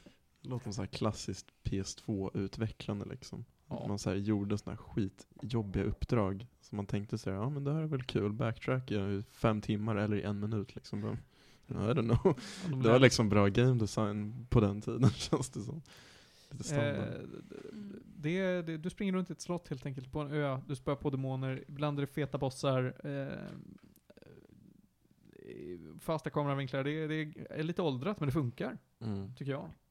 Mm, jag vet, Alltså- du klagade mycket på de fasta kameravinklarna i början, för det var vissa gånger när, liksom om man fastnade sig mittemellan så bara flippade den mellan två kameravinklar mitt i en fight och det var lite weird. Ja, Mm. vi ska också tänka att eftersom att det här utgick från Resident Evil, så hade de på den tiden tank controls. Mm. Det här spelet har inte tank controls. Oh. Men det funkar inte riktigt med kameravinklarna. När du kan röra dig helt, helt fritt, men kameran är fast. Mm. Jag gillar det inte. Eh, men annars tyckte jag det var ett rätt, na, rätt nice spel. Mm. Jag, Ja, alltså jag kommer bara tänka på, för jag har ju väldigt mycket så här. Jag har aldrig klarat hela Devil May Cry 1, men jag har väldigt mycket nostalgiska minnen till ettan, tvåan och trean, för det var ju typ i den hur fan kan du inte ha klarat ettan när det är så kort? Nej men jag har aldrig orkat alltså. Jag liksom Jag minns när jag var liten och så såg man så här demos hela tiden för de släppte så här demoskivor Ja. med typ varje spel man köpte liksom och så här, överallt. Och sen så var det någon gång jag körde det hemma hos någon polare tror jag, så kom man till den här spindelbossen som är typ den det är första. första bossen. Ja, precis. Så jag var så ja men det här är ganska coolt liksom. Så jag, och så såg jag att de släppte ju en eh, HD-remake, jag vet inte om det var till PS3 eller PS4, men jag har det på PS4 i alla fall. PS3 var det, och sen så kom PS4 också. Ja, just det. Mm. Men jag har det på PS4, Mm. de tre första spelen. Och så körde jag igenom liksom, ja, en stund på ettan typ. Och jag tycker liksom att det har åldrats väldigt bra ändå. Det går absolut att spela, men ehm, det var jävligt mycket svårare än vad jag minns det. Så, så långt kan jag Ja, säga. ja, men där har du Mm. helt rätt. Att Jag- någonting de här spelen tar en stolthet i, är att de är jävligt svåra. Ja men det är så här konstigt, jag tänkte inte att de skulle vara det. För, alltså, jag har ju kört femman och jag har kört en del på fyran. Och de är ganska lätta i jämförelse. Har du kört igenom hela femman? Ja. Du har kört igenom femman men inte ettan. Ja, ja men jag vet, jag vet jag, ja, det är lite weird, Ja, ja. men jag, jag vet inte vad jag ska säga mer. Alltså, det är, men jag tyckte det var förvånansvärt svårt, jag dog massvis. Och jag var tvungen att kolla upp tips för den här jävla spindelbossen, fast jag klarat den för typ så här 15 år sedan, men inte nu typ. Jag så bara, men hur gör man det? De bara, men skaffa just den här specifika abilityn. Jaha, ska jag spoila nu? Kanske, jag vet inte. Ja men det är bara första bossen, jag- jag skyller på det. Nej, det var bara... Det är ett, eh, jag vet inte, jag fastnade länge på den i alla fall. Och sen så lyckades jag till slut komma förbi och så kom jag till en till boss som inte ens är en boss. Du kanske vet vad jag menar? Ja, jag vet Ja. precis vad du menar. En liten svart figur som springer runt. Yes Ja, box. ja. Och den... Cactuar? This is not Final Fantasy. och den var ännu värre. Så det är så här, ja, mycket värre än vad jag mindes det. Men det är ett bra spel med tanke på att det släpptes 2001 var det va? Ja. Verkligen. Mm. Det känns inte som att det släpptes 2001. Nej nej nej, och grafiken är liksom, det är så här uh, top of the line PS2-grafik om man vill lägga det så liksom, tycker Mm. jag. Ehm, Nej men jag håller med dig. Det, det är, har åldrats väldigt bra och jag rekommenderar det. mm, Ehm, det är jävligt svårt, men eh, jag kan säga att eftersom att jag precis innan jag gick in i alla de här spelen, jag körde dem i princip i ett svep, mm. eh, med reservation för att jag var lite sjuk då och då. Det funkar att använda Dark Souls-strategier. Vilket är blocka och Vilket är rulla basically och... blocka, stå och vänta på en öppning och sen gå och göra typ ett slag och sen backa. Ja, jo, så, så kan man göra. Men man kan göra så, men, Men det är jag- inte meningen för att här är ju, det är ju jättefast paced Det är Exakt. superhetsiga de Och de, de lägger Man ju en får ju score extra på poäng det. när man gör Ja, precis. liksom, olika kombos och sådana grejer. Ja, de har ju en score. Det har de inte i The Dark Souls eller många, så många andra spel som jag har kört i alla fall. Utan de, de dömer ju på din flashighet, hur snygga kombos du lägger. Det är det som är en del av charmen nästan av spelet. Mm. Mm. Och det blir ännu mer i femman och i fyran. Nu Ja. kanske jag går lite Ja, framåt här. för, men du har Ja. helt rätt. Det är någonting som hela serien håller i hårt. Ja. Jag tänker att vi är ganska klara med ettan. Det är ett nice spel i kort spelare. Mm. Eh, den här eh, HD-remaken av ettan, tvåan, trean i en collection Mm. kostar ju fan ingenting. Nej, Vare sig du köper det till 50 PC spänn eller till eh, PS4 eller något. Precis. Tvåan å andra sidan, det är ett spel som de, alltså vad ska man säga, tryckte ut för att, alltså de krystade verkligen ut det. De hade jättekort tid på sig Mm. att, eh, att eh, developa det. De hade inte så mycket pengar, inte ett så stort team och de hade inte samma director som första spelet. Det låter som Dark Souls 2 och Dark Souls 1 Ungefär, ungefär. Mm. För att de mitt, alltså när det var, vad var det, sju månader kvar eller någonting, så bytte de director helt och scrappade hela spelet för att de tyckte inte det var Mm. bra och så började de om. Hemskt. Och det syns, för det, tvåan är så dålig i förhållande till ettan. Men är det fortfarande ett bra spel? Nej. Är det Är spel? det inte den du kunde kisa jättemycket? Jo, det är Ah. jättelätt för det första, för att det, det du kan göra är att du kan använda dina pistoler för att staggra. Mm. Alltså det, det är sån här som har air juggling med ditt, dina Mm. pistoler. Så när du skjuter saker så, så börjar de att flyga Mm. i luften och så här rygga tillbaka för att de blir träffade. Och i princip alla fiender kan du göra det här med. Och du, Bossar också. Nej, inte bossar. Men de är pisslätta i alla fall för att det, deras attacker är well telegraphed. De har inte så mycket till HP och du gör miljarder skada. Mm. Var det också inte många som inte kunde röra på sig, så man kunde legit stå stilla och bara skjuta från en distans och döda den så? Så är det. Det låter fantastiskt tråkigt faktiskt. Ja. Mm. Till och med sista bossen var så att jag kunde stå på ett visst ställe och bara... Ja, då var vi klara. Det är inte jättelångt heller, men gimmicken med det här spelet var att de har hotat upp det lite grann. Du dodgar på ett annat sätt, som jag personligen tycker om bättre. Står storyn den här gången är, oj, eh, Dante blir rekryterad av en annan tjej som vill ta dig till en annan ö. För att där händer det knas med demoner och skit. Eh, du har två spelbara karaktärer här. Du kan spela som, eller tre egentligen. Eh, du kan spela som Dante, du kan spela som den här tjejen som heter Lucia, och sen ifall du klarar spelet på hard mode så kan du spela som Trish, vilket är tjejen som rekryterar dig i första spelet. Just det. Det här spelet också lider av problemet att båda karaktärernas genomspelning, både Dante och Lucia, är jättelika varandra. Storyn är ganska tam. Och eh, halva spelet är gå framåt och halva spelet är backtrack. Mm. Och helt plötsligt någonstans eh, i något uppdrag så är du i världens största öppna område. Bara, ja men hela uppdraget är att du ska tracka ner några saker som är jä- jätteväl gömda i det här enorma området. Hilarious. Inte längre fasta kameravinklar. Nähä, så man får styra med högerspaken liksom? Ja, eh, nej. Jag tror nog att det är så att den följer med dig mer. Ja, du ja, kanske får styra med högerspaken, jag vet inte. Mm. Eh, ibland är det fasta kameravinklar, när de känner att de behöver ha det. Okej. Nej, det var inget bra spel. Inget bra spel. Nej, Inga gäddor. inga gäddor. jag vet inte, alltså jag ska ge alla gäddor sist av allt. Ja. Trean, då jävlar. Nu, nu snackar vi igen. Mm. Vad, är det- vad ska jag se, vad har vi för konsoler här? Är vi fortfarande på PS2? Vi är fortfarande på PS2. Yes. Yes, vi, är- eh, på trean är vi fortfarande på PS2. Mm. Jag vet inte när det här kom ut, kanske 2004 eller något. Eh, Devil May Cry 2 kom ut 2003, Ja. Devil May Cry 3 kom ut 2005. 2005 till och med. Okej. Ja, vi är fortfarande på PS2. Mm. Mm. PS3 väntar runt hörnet. Den, den är ju på gång Ja. i den här eh, perioden av tid. Eh, det här är en prequel. Svengelska ja. Ja, förlåt. Det är stressigt nu. Du dömer Det- mig för att jag fick. Ja, eller hur? Vi är i Devil May Cry 3, vi är en prequel, så det här är då Dante, vad heter det? Dante's Awakening tror jag den heter, eller något sånt där. Jajamän. Ja. Eh, I både ettan och tvåan så hintas det om att Dante har en bror som har dött. Och i det här spelet så är han de- antagonisten. Virgil. Mm. Inte att förväxlas med Sturgill. Virgil är Dantes lite äldre tvillingbrorsa. Han slåss med en katana istället och är ännu mer edgy. Dante är ju väldigt så här, kastar med quips och skämtar mycket och är ganska laid back. Mm. Men Virgil, han är jätteedgy. nu är det svårt igen. Det är ganska långt. Man springer igenom det här slottet och eh, den här gången har man sällskap av en tjej som man bara kallar för Lady. Ja, just det. Lady. Som har ett fett raketgevär. Hon är ganska badass. Och sen så pratar de dalmål. och där är den inte så badass längre. Nej, jag försvann lite där. Ja, vi har två, eh, två eh, liksom skurkar här. Vi har Virgil och sen hans henchman Arkham. Okej. Ja. Ja, weird dude.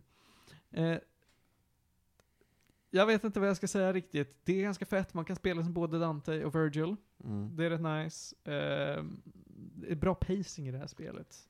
Det går ju tillbaka lite mer till rötterna liksom. Jämfört med Verkligen. Jag får mig att de har samma director på ettan som i trean.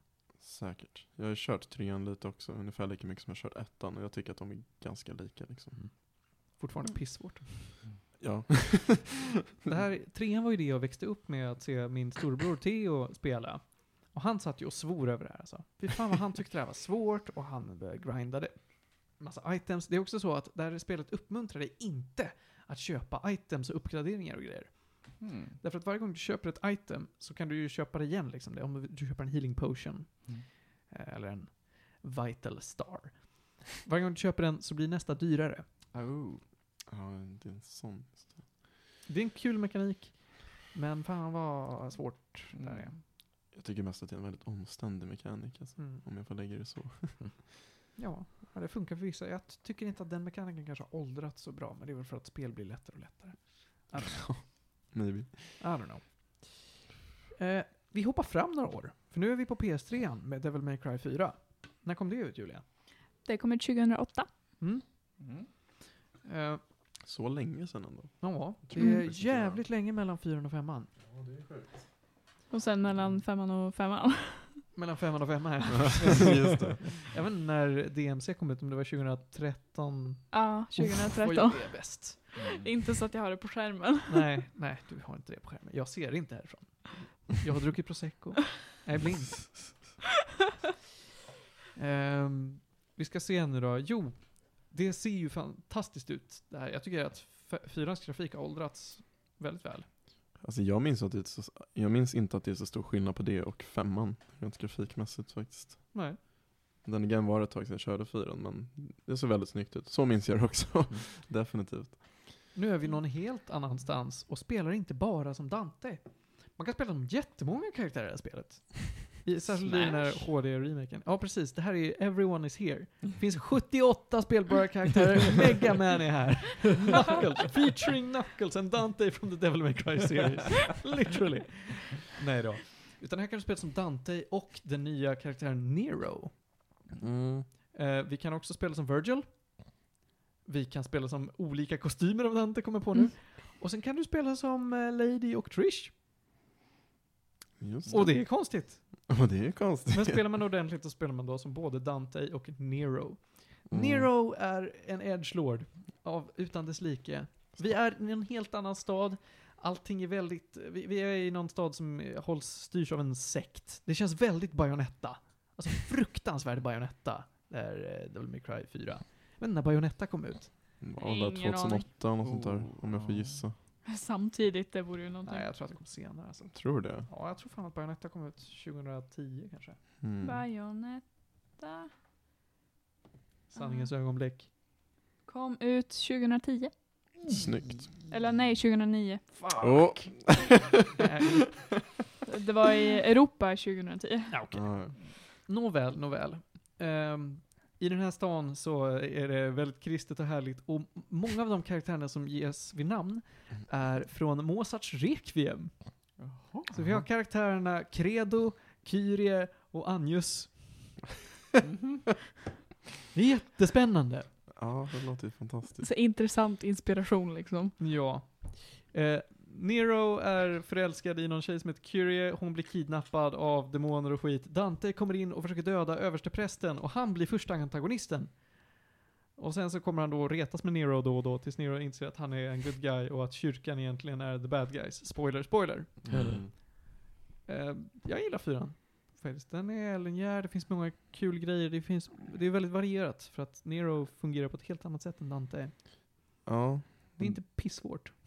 Jag blev faktiskt lite turned off av fyran just för att man körde som Nero istället för Dante. Man börjar ju som Nero, om jag Mm. inte minns helt fel. Ja, det gör man. Det är ganska långt innan man får spela som Dante. Ja, och det är ju Vad är det, mission 12 av 20 jag för mig? spoiler spoiler, men det är samma sak i femman. Och Jag tyckte inte det var så kul för jag tycker Nero har ett mycket tråkigare moveset allmänt än vad Dante har liksom. Och Han är inte alls lika flashy och sådär liksom. Det är mer som att spela Dante i ettan typ. Mm. Så är det att köra Nero ungefär. Om man jämför det liksom med hur Dante är så är det ju så här en helt annat spel nästan, tycker jag. Mm. Jo, men jag, jag förstår vad du menar. Och det har ju liksom got me turned off. Kan jag säga. Någonting som jag tyckte var väldigt, alltså en, en mekanik som jag använde mig väldigt mycket av var en move som var en dash på Dante. Mm. Han liksom dashar fram och slår någonting med sitt svärd. Det. Nero å andra sidan har en grapple, så att han, han har en demonarm. Som han Mm. döljer för alla för att eh, demoner, det är ju djävulens påfund, då blir han slaktad av kyrkan. Mm. Han drar fiender till sig med armen. Just Eh, det. Och det är spännande. det, det känns jävligt annorlunda. Och det är något av de här spelen, jag kommer inte ihåg om det är trean, tvåan eller fyran eller vad fan det är, då Dante inte har sin dash på samma sätt och det är jättejobbigt. Så, alltså i princip Sonic använder den dashen och någon jävla härlig kombo. Sen spurtar jag iväg i något hörn och ställer mig där och väntar. Inga style points på det. Alltså. Nej. cheese, cheese Ja. mode. Jag snittade väl B och sen i femman kommer jag ihåg att det var något uppdrag som jag gjorde på någon minut som jag fick S på. Oj. En minut eller vad? Mm. Eh, det är ganska långt, ska jag säga. Fyran tyckte jag var rätt lång. Ja, Eh, trean och fyran är ungefär lika långa. I don't know. är trean lika långt som fyran? Jag tror det. Kommer inte ihåg. Mm. Jag kan ju kolla, för jag har ju tiden... Nej, det kan jag inte. för att tre, eh, eftersom att jag har alla tre i en collection, ettan, tvåan, trean, Ja. så har jag ju bara tiden på den collection. Sablar. Men ettan och tvåan är så jävla kort. Alltså. Mm, Jag Ja. bara drar av någon timme för dem. ja, precis. Skitsamma. Sen då, eh, 11 år senare, då får vi ju Devil May Cry 5. Mm. Fan vad snyggt det ser ut. Mm. Det är modernt, det är upphottat, det är smidigt och bra och här finns det tre spelbara karaktärer. Eh, Hoppa, hoppar du över DMC Ja, ja. Cry nu? ja. Okej, ja. det, det är ett annat spel, det är inte så bra. Det är helt okej action. I, i, det- I det här spelet som uh, Kylo Ren är med i? Ja, Mm. Det är det. Eh, eh, vi ser ut som Kylo Ren. Ja, det är fan sant. Ja. En väldigt, Jävlar. väldigt edgy Ja. Kylo Ren. Mm. Kan vi säga? Mm. Vi har då Nero, vi har Dante och sen har vi då Vi som är en mystisk karaktär. Och alla de här tre styrs väldigt olika. Och genom vanliga main storyn så eh, hoppar du lite mellan dem. Ibland får du välja vilken karaktär du spelar, ibland så blir karaktären vald åt dig. Mm. Men annars så, det är fortfarande Devil May Cry. Mm. Det är missions, du springer igenom ett förhållandevis linjärt. Väldigt linjär skulle Ja, jag det, säga. ja, fan femman är väldigt linjär. Mm. Det är inte så mycket utforskning. Ehm, på samma sätt så finns det upgrades, du slaktar demoner, ju mer points du får desto mer eh, red orbs som då är valutan kan du köpa items för, uppgraderingar och Mm. nya moves och skit. Ja. Men det är väldigt irriterande med det, för man får ju dela på dem mellan varje karaktär. Ja. Och man har ju liksom en miljard moves för varje karaktär. En trilliard kanske till Dante liksom, men alltså det blir skitjobbigt om man ska sitta och manage alla de där movesen liksom. Sen så måste man testa dem och så måste man lära sig alla movesen. Alltså det är ju Ja, det är krångligt. det är krångligt, det är förvånansvärt krångligt. Det är liksom ma- macromanagement också. om man vill lägga det så. Ja, visst. Men, som tur är så är det här spelet inte heller pissvårt.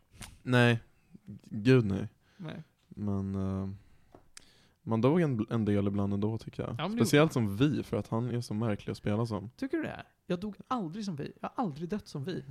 jag tyckte han var så lätt att spela som. Jag Ja, alltså, att han är spela. skön att spela men alltså, man blir lite handikappad för om hans djur dör. För han slåss ju liksom, han slåss inte Jag ska, själv. jag ska förklara det Ja, innan vi går in på det för mycket. Dante styrs ju på samma sätt som han alltid har gjort. Han har sitt svärd, han har sina pistoler. Han har väl kanske något annat skjutvapen säkert. Tänker du Dante eller tänker du Nero? Nej, jag tänker Dante. Dante har ju ungefär 50 000 vapen. Nero är mer straightforward i så fall. Ja, Nero är fan straight forward i och för sig.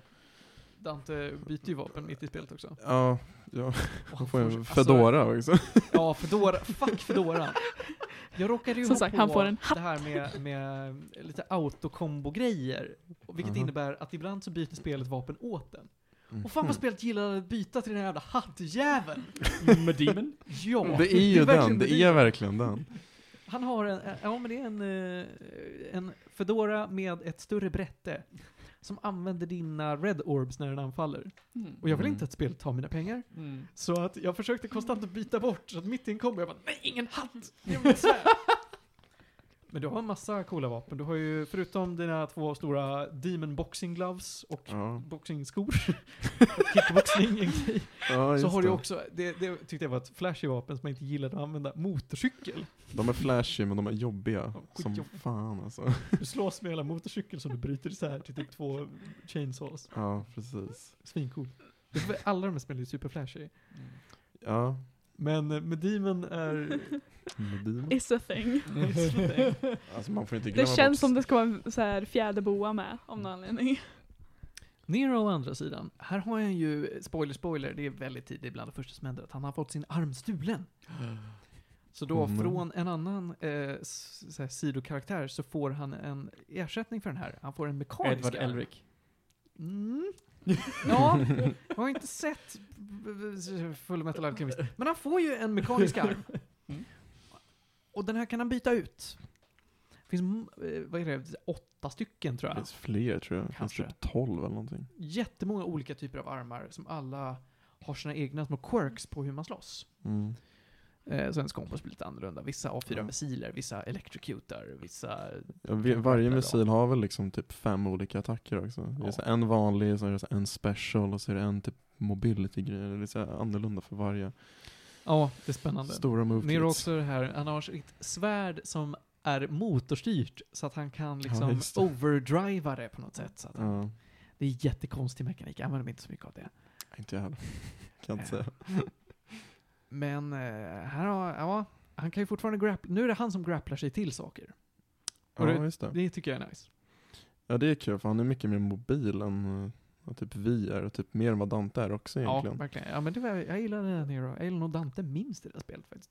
Jag tyckte Dante var kul för han hade, så, han hade ju mest flashiga kombos liksom. Det, Ja, det sant. det var ju satisfying att bara kötta på med honom liksom. Det, det känns som att man känner sig bättre när man gör det än vad man gör med typ Nero eller med Vi, för då känns det som att man bara står där och så, speciellt vi som bara står och tittar och bara uh, get him, get him, uh, die typ. Står där i edgy liksom och läser sin jävla poetbok liksom. Det är, så, det, det är liksom inte lika flashigt på det sättet, vilket gör det mindre satisfying. Ja, vi ska förklara hur vi funkar. Vi, eller Kylo Ren då, Mm. han är ju en eh, väldigt mystisk karaktär. Man får inte veta så mycket om honom till en början. Men man vet att han är väldigt svag. Han går runt med en käpp. Och han har också tre stycken familiars. Tre andra demoner som han använder sig av för att slåss med. Han har en liten fågel. Han har en, en eh, stor panter. Vi har otroligt vackra hand... eh, Ja, ja vi har fågel som är, då är en, en eh, handdocka. En panter som är en arm som rör sig fram och tillbaka. Som först agerade som en spindel. Ja, precis. Och sen har vi då stora golemen. som då är jättestor. Golemen, är den här? Ja, precis. Jag, jag viftar med mina händer över huvudet. Som en älg. Som en älg. En sån här karamelldans. Ja, men det bara, ja. ja, visst. Så att golemen, nu kör ju och dansa med oss Ja. och sen så booty-smackar den sig in. Ja. Jag älskar hur, hur det, är en, det är, istället för att ha en devil trigger så aktiverar man den här stora golemen då. Eh, den dyker upp på väldigt spännande sätt. Ibland så faller den ner från skyn, ibland kravlar den upp från marken och ibland så slår den sig ut genom en vägg. Han gör ett Kool-Aid man och bara Oh yeah! det finns väldigt många Golem-memes med, med Kool-Aid man. Eh, Men det är fett. Det betyder att då vi inte slåss själv så mycket. Han, ibland kommer han in och gör finishing moves. Så här, om en fiende håller på att dö så kan han teleportera sig in och bara... Han måste väl snarare göra finishing moves. Inte Ja. alltid faktiskt. Ja, det, är- man kan spöa en fiende utan det, men oftast är det så att du autoteleportar till den. Ja, just det. Hmm. Ja. Eh, men ja. Eh, jag älskar att spela som vi. Jag tycker det Mm. var asfett med, Mm. med liksom hur man eh, hanterar alla sina kompanjoner som håller på att spela med. Och Mm. de har ju också sin egen HP-bar, precis som du nämnde. Så att ifall de tar för mycket stryk, ja då blir de inaktiverade ett tag. Och då är man ju en liten svag man som Twink. får springa runt och bara dodga demoner som kommer efter en. Ja. På det sättet är han motsatsen till Kylo Ren som är Ben Swolo. Ja, Ben det här är ju Swallow. anti-swolo. Ja. Det här är ju, ja men det är Ben Twink. Ja, Ben Twink, verkligen. Ja. ja, nej men han var asrolig att spela som, tyckte jag först, ända tills Dante kom. Då var du Dante. Ja, jag var en Dante, Dante boy. men det var just det att han var så, jag, jag störde mig på att han kunde vara så jävla clunky ibland liksom. att man inte kunde göra någonting själv. Liksom, det störde mig ganska mycket vid vissa tillfällen. För att man bara stod där och bara mm, kollade i kors typ.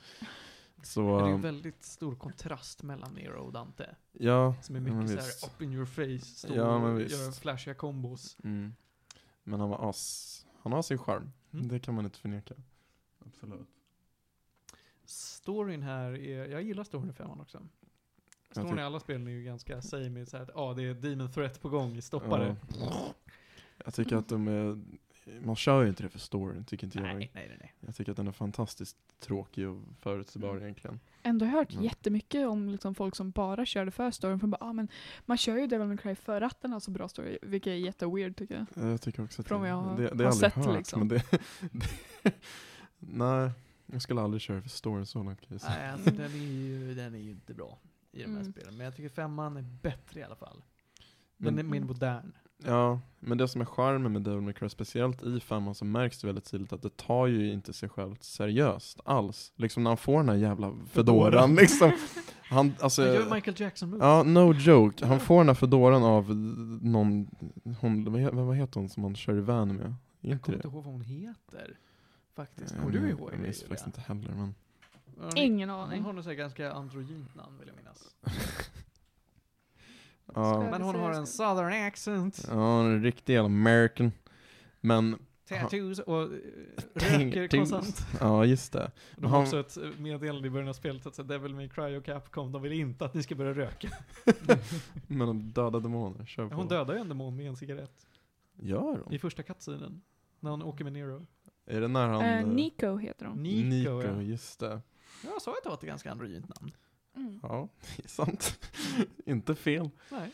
Nej men han får den här jävla fedoran efter de har dödat någon boss typ. Så gör han ju alltså bokstavligt talat en Michael Jackson-dans och det kommer strålkastare och han liksom ställer sig i moonwalker och det kommer helt out of nowhere liksom. Jag kommer liksom ihåg att jag så här, vände mig om och tittade på skärmen och bara, vad fan är det som händer? Ja, Vad är det du tittar på? Bayonetta. Jag har ju inte kört så långt på Bayonetta så... Men du har ju sett allt over the top. Så här, du dansar och saker blir jätteflashy. alltså jag har sett hennes moveset liksom. Men, eh, ja, det är inte den nivån, det är inte Michael Jackson-nivå liksom. Kan inte jag komma ihåg i alla fall. Nej, okej. Men alla som har kört Men du vet nog bättre än vad jag gör. Ja men du vet nog bättre än vad jag gör, så kan jag säga. Nej men det var väldigt out of nowhere, det är typ då man blir lite påmind också om att så här, ja men det här spelet tar ju sig inte seriöst alls. Men det är som sagt det som är lite charmen också liksom. Så jag tyckte det var väldigt refreshing. Och sen att just storyn inte är så jävla bra liksom, det enligt mig då. Det är liksom, det gör ingenting. För det är inte det som är huvudfokusen i spelet. Kan jag tycka. Jag tror nog att vi är ganska klara med Devil May Cry där. alltså. Ja, Klockan vi är har, mycket. vi har pratat rätt länge. Ja, så en timme och en kvart va? Oj, Ungefär. så. Så gäddor, sen tre snabba. Ja, det blir jättemånga snabba kan jag berätta om det nu. Men gäddor, ettan av tio gäddor så säger jag att ja, men den får en så här stark sjua. Tvåan, Mm. en fyra. Trean, ja men den är också där på en stark sjua. Eh, fyran, ja men den känner jag en, väldigt stark sexa. Mm. Den är inte lika bra, men jag tycker ändå att ja, men den har sina moments. Jag gillar Mm. bossarna. Eh, femman, ja men den tycker jag ändå är uppe och petar på sju och en halv. Tycker jag är bra. Mm. Mm. Jag är inte ett dugg missnöjd med att jag kör de här, men jag känner att efter att ha kört alla i ett svep, oh, var jag klar med Devil May Cry på oj, oj, oj. Ja, kändes så efter bara fem alltså. Ja, Mm. ja jag, jag, jag känner mig klar med det där. Jag är glad att jag har gått över till något helt annat. Så att från Dark Souls till Devil May Cry tillbaka till Neo. Ja. Med basically Loot Souls. Det kommer jag prata om i nästa avsnitt kan jag säga. Ja. Eh, nu hörni, så gå vidare till tre... Ja okej. Ta, ta och gå på toa vidare. Kaos.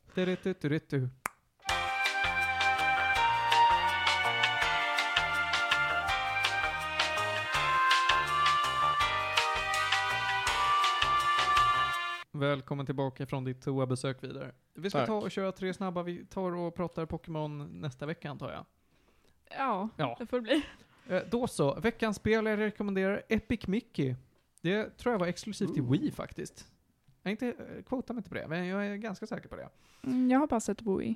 Ja, ja men då så. Det är en hommage till gamla Disney-rullar. Du springer runt som Musse Pigg och försöker att eh, rädda en värld förstörd av färgtinner. Eh, så att du får både se en massa härliga karaktärer från gammal Disney, du får springa igenom olika världar och... Är det här en remake på gamla Playstation 1 uh, Mickey-spelet? Nej, det är det inte. Men de är lite lika. Mm. Eh, du, också väldigt mycket content i det där, att du får antingen springa igenom eller titta på eh, såna här gamla 30-tals eh, tecknade svartvit tyst films Mm. eh, Musse Pigg-rullar. Det är nice. Mm. Det är väldigt nice. Eh, så ska vi se då, veckans album är eh, XX. Det är ett samlingsalbum med Rage Against the Machine. Deras bästa eh, låtar. Nice. Finns det en hel del gött. Och nu då, nu får vi väldigt många snabba för att jag säger bara att ja, men det har kommit nya grejer vet ni av Svenska nyheter, fått en ny säsong. Paradise PD har fått en ny säsong, skitbra. End of the fucking world har fått en ny säsong. Och sen då är det på gång, den har inte riktigt kommit än, men F is for family ska också få en ny säsong ganska snart. Så att ni har väldigt mycket att titta på. Det mesta finns på Netflix. Jag tror att allt av det här finns faktiskt på Netflix förutom svenska nyheter. Det hittar ni på SVT Play. Eh, och dessutom, det kan jag säga att uh, Bäst i test eh, har precis haft säsongstart. Nice. Det är nice. De har Anders Ankan Johansson med. Och det gör mig glad. Jag tycker om Ankan. Och med de orden så tar vi och tackar för den här veckan. Jättekul att du kom hit Vidar. Ja, jättekul att vara här. Ja, är du så varmt välkommen tillbaka. Tackar bockar. Ja, Johan. Ja. Mm. Julia. Ja, jag är också här. Ja, det är kul att du är här. Du är också här. Jag bor här. Och Julia är här. ja, puss och kram och nyp i stjärten.